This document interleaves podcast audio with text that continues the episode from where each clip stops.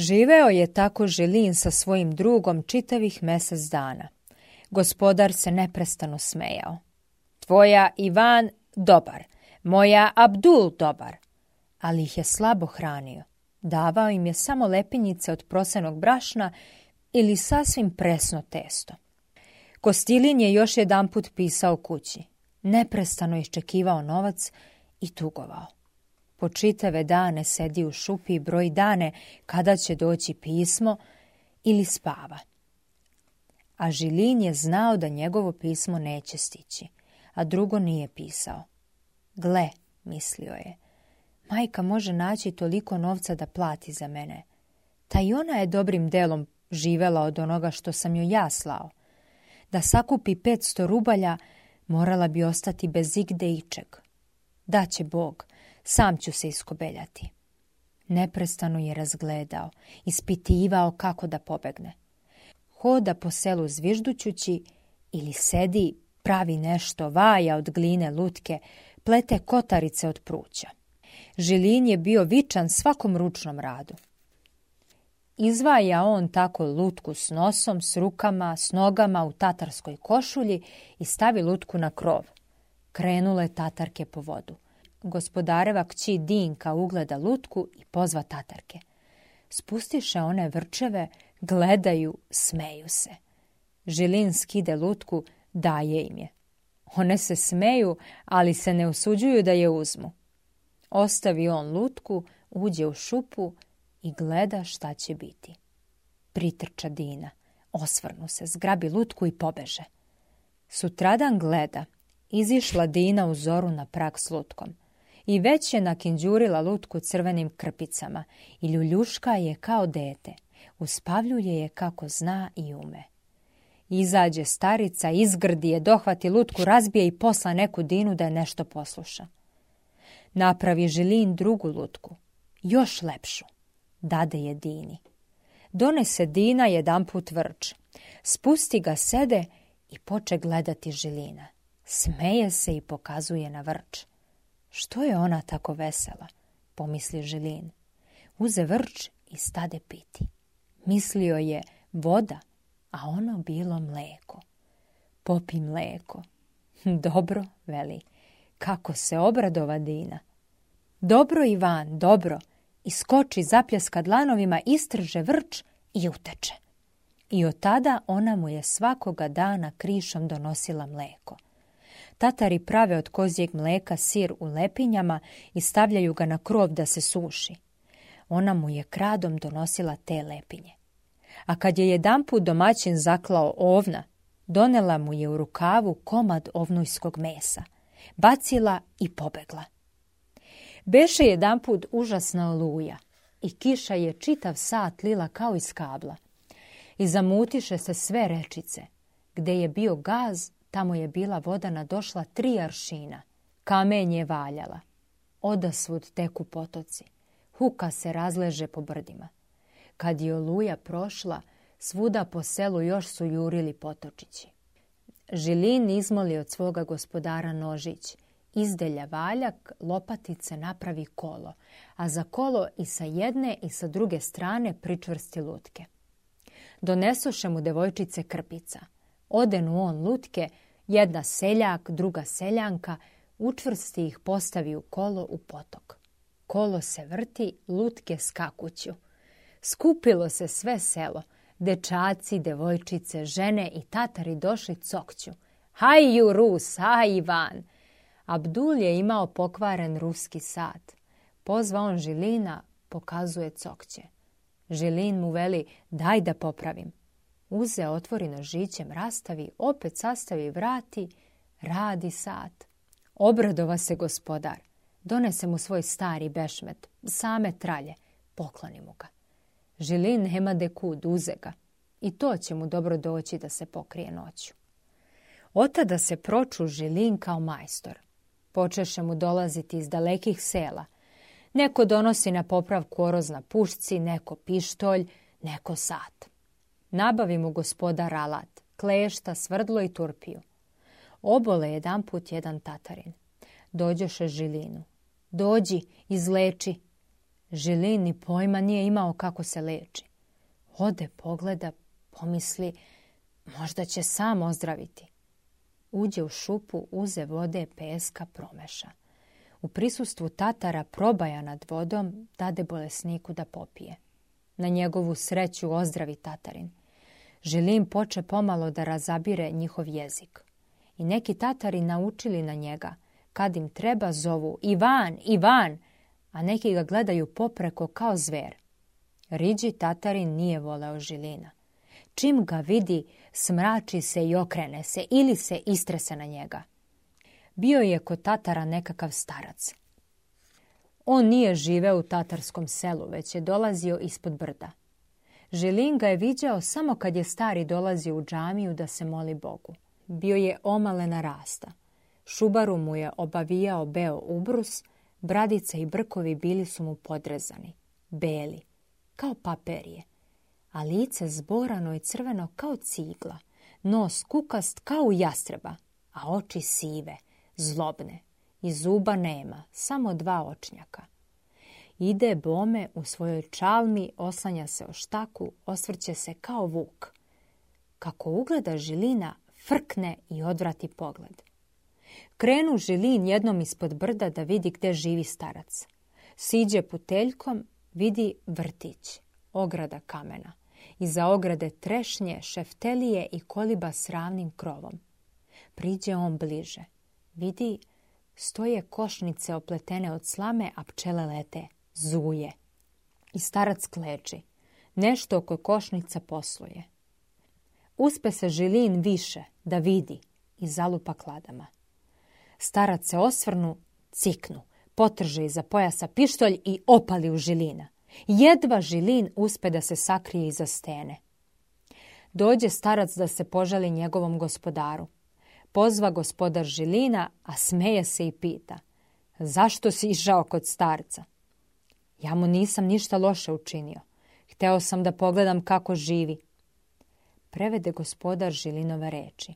A starac se ljuti, sikće, nešto mrmlja, otkriva svoje očnjake, preti rukama Žilinu. Žilin nije sve razabrao, ali je razabrao da starac zahteva od gospodara da pobije Ruse, a ne da ih drži u tatarskom selu. Starac ode. Želin se stade raspitivati kod gospodara. Ko je taj starac? Gospodar mu veli. To je veliki čovjek. On je bio najbolji džigit. Mnogo je Rusa pobio. Bio je bogat. Imao je tri žene i osam sinova. Svi su živjeli u jednom selu. Došli su Rusi, opustošili selo i ubili mu sedam sinova. Jedan je sin ostao živ i predao se Rusima. Starac je otišao pa se i on predao Rusima. Probao je kod njih tri meseca, pronašao tamo svoga sina, ubio ga i pobegao. Od tada je prestao da ratuje, išao je u Meku, Bogu da se moli. Otuda mu čalma. Ko je bio u Meki zove se Hadžija i nosi čalmu. On ne podnosi Ruse, zahteva da te ubijem, ali ja te ne mogu ubiti. Dao sam za tebe novac, i zavoleo sam te, Ivane. Ne samo da te ne bih ubio, već te ne bih ni oslobodio da nisam dao reč. Smeje se, dodaje na ruskom. Tvoja Ivan dobar, moja Abdul dobar. Proživeo Žilin tako mjesec dana. Danju tumara po selu i nešto me istoriše, a čim padne noć i primiri se sve u selu, kopa u svojoj šupi.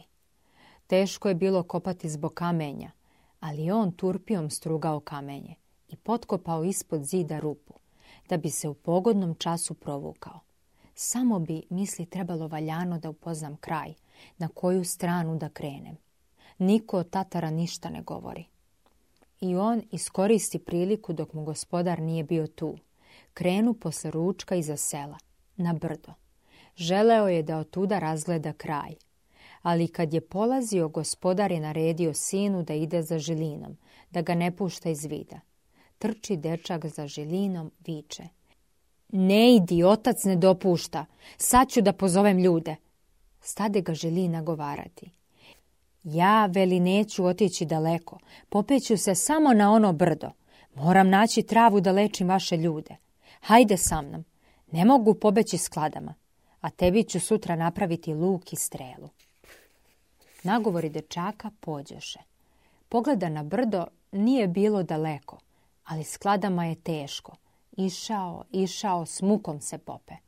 Sede stade razgledati kraj. Plandište iza brda, krdo ide i drugo se tatarsko selo vidi u podnožju. Iza sela drugo brdo, još strmije, a iza tog brda opet brdo. Između brda plavi se šuma, a tamo dalje opet brda dižu se sve više i više, a iznad svih kao šećer bela stoje brda pod snegom. A jedno snežno brdo izdiže se iznad ostalih kao šubara. Na ishodu i zahodu sunca ista takva brda. Pogde gde dime se tatarska sela u klancima. Pa, misli Žilin, sve je to njihov kraj. Stade gledati na rusku stranu. U podnožju rečica naše selo unaokolo vrtići. Kraj reke kao malene lutke vide se sede žene, ispiraju rublje. Iza sela u dnu brdo, a za njim još dva brda obrasla šumom.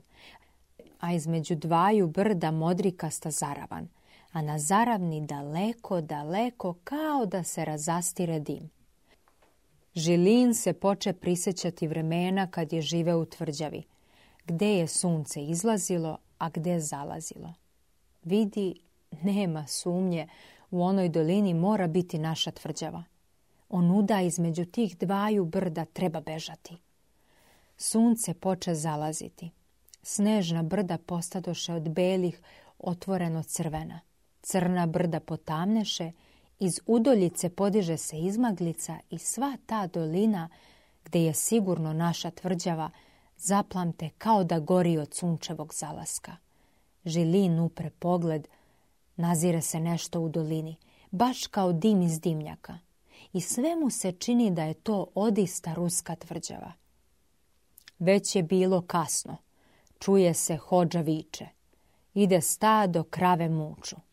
Dečak jednako zove, hajdmo, a žilinu se ne ide. Vratiše se oni kući. Pa, misli Žilin. Sad znam okolinu. Treba bežati. Hteo je da beži još te iste noći. Noći su bile tamne. Uštap. Na nesreću naveče se vratiše Tatari. Dešavalo se, vraćaju se oni, teraju stoku, vesele se. A ovog puta nisu ništa doterali. Samo su doneli na sedlu ubijenog Tatarina, brata onog riđeg. Vratili su se kivni. Okupili se svi da ga sahrane. Izašao Žilin da vidi. Uvili su mrtvaca u platno i nestavljajući ga u kovčeg, doneše ga pod platane iza sela i položiše ga na travu. Dođe hođa, okupiše se starci, obaviše ubrusima kape, izuše se, posedaše prekrstivši noge jedan do drugoga pored mrtvaca. Napred hođa pozadi tri starca u čalmama, jedan kraj drugog, a iza njih ostali tatari. Sedeli tako neko vreme, oborili glave i ćute. Dugo su ćutali. Hođa podiže glavu i veli Allah, znači Bog. Reče tu jednu reč, zatim ponovo oboriše glave i dugo su još ćutali. Sede, ne miču se. Ponovo hođa podiže glavu. Allah! I svi prozboriše. Allah! I ponovo ućutaše. Mrtvac leži na travi. Ne pomiče se. I oni sede kao mrtvi. Niko ni da se pomakne. Samo se čuje kako od daška vetra šumori lišće na platanima. Zatim hođa očita molitvu. Svi ustadoše, podigoše mrtvaca na ruke, poneše. Doneše ga do rake – Raka nije obična, već potkopana pod zemlju kao trap. Uzeše mrtvaca ispod pazuha i za gležnjeve, poviše ga, spustiše polako, gurnuše u sedećem položaju pod zemlju, staviše mu ruke na trbuh. Dovuče nogojac zelene trske, prekriše trskom raku, brzo zasuše zemlju, poravnaše, više mrtvačeve glave postaviše uspravno kamen. Utabaše zemlju, posedaše opet jedan do drugog kraj humke. Dugo su čutali. Allah, Allah, Allah, uzdahnuše i ustadoše. Riđi razdeli starcima novac, zatim ustade, uze bić, udari se tri puta po čelu i krenu kući. Sutradan vidi Žilin, vodi Riđi kobilu iza sela, a za njim idu trojica tatara – Izađoše iz sela, skide riđi bešmet, zasuka rukave. Ručerde snažne. Izvadi hanđar, naoštri ga na brusu. Podigoše tatari kobili glavu u vis, priđe riđi, prereza joj grkljan, obori kobilu i poče je derati. Pesnicama kožu guli. Dođoše žene, devojke, uzeše da ispiraju creva i iznutrice. Raščerečiše potom kobilu, odvukoše je u kuću i čitavo se selo okupilo kod riđeg na daću pokojniku. Tri dana su jeli kobilu, pili buzu pokojniku za dušu. Svi su tatari bili kod kuće. Četvrtog dana vidi Želim pripremaju se u vreme ručka da krenu nekud. Dovedoše konje, posedaše i odjahaše njih desetorica. Odjaha i riđi. Samo Abdul ostade kod kuće. Mesec tek što je izašao. Noći su bile još mračne. Pa, misli Žilin, sada treba bežati. I reče Kostilinu. Kostilin se prepade. Ma kako ćemo bežati? Ni puta ne znamo. Ja znam put. Za jednu noć ne možemo stići. Ako ne stignemo, predanit ćemo u šumi. Ja sam čak i lepinjica skupio. Zar ti želiš da ostaneš u ropstvu? U redu ako pošalju novac, ali mogu i da ga ne sakupe, a Tatari su sada kivni, zato što su Rusi ubili njihovog. Zucka se smeraju da nas pobiju. Razmišlja, razmišlja Kosilin. Pa hajdmo.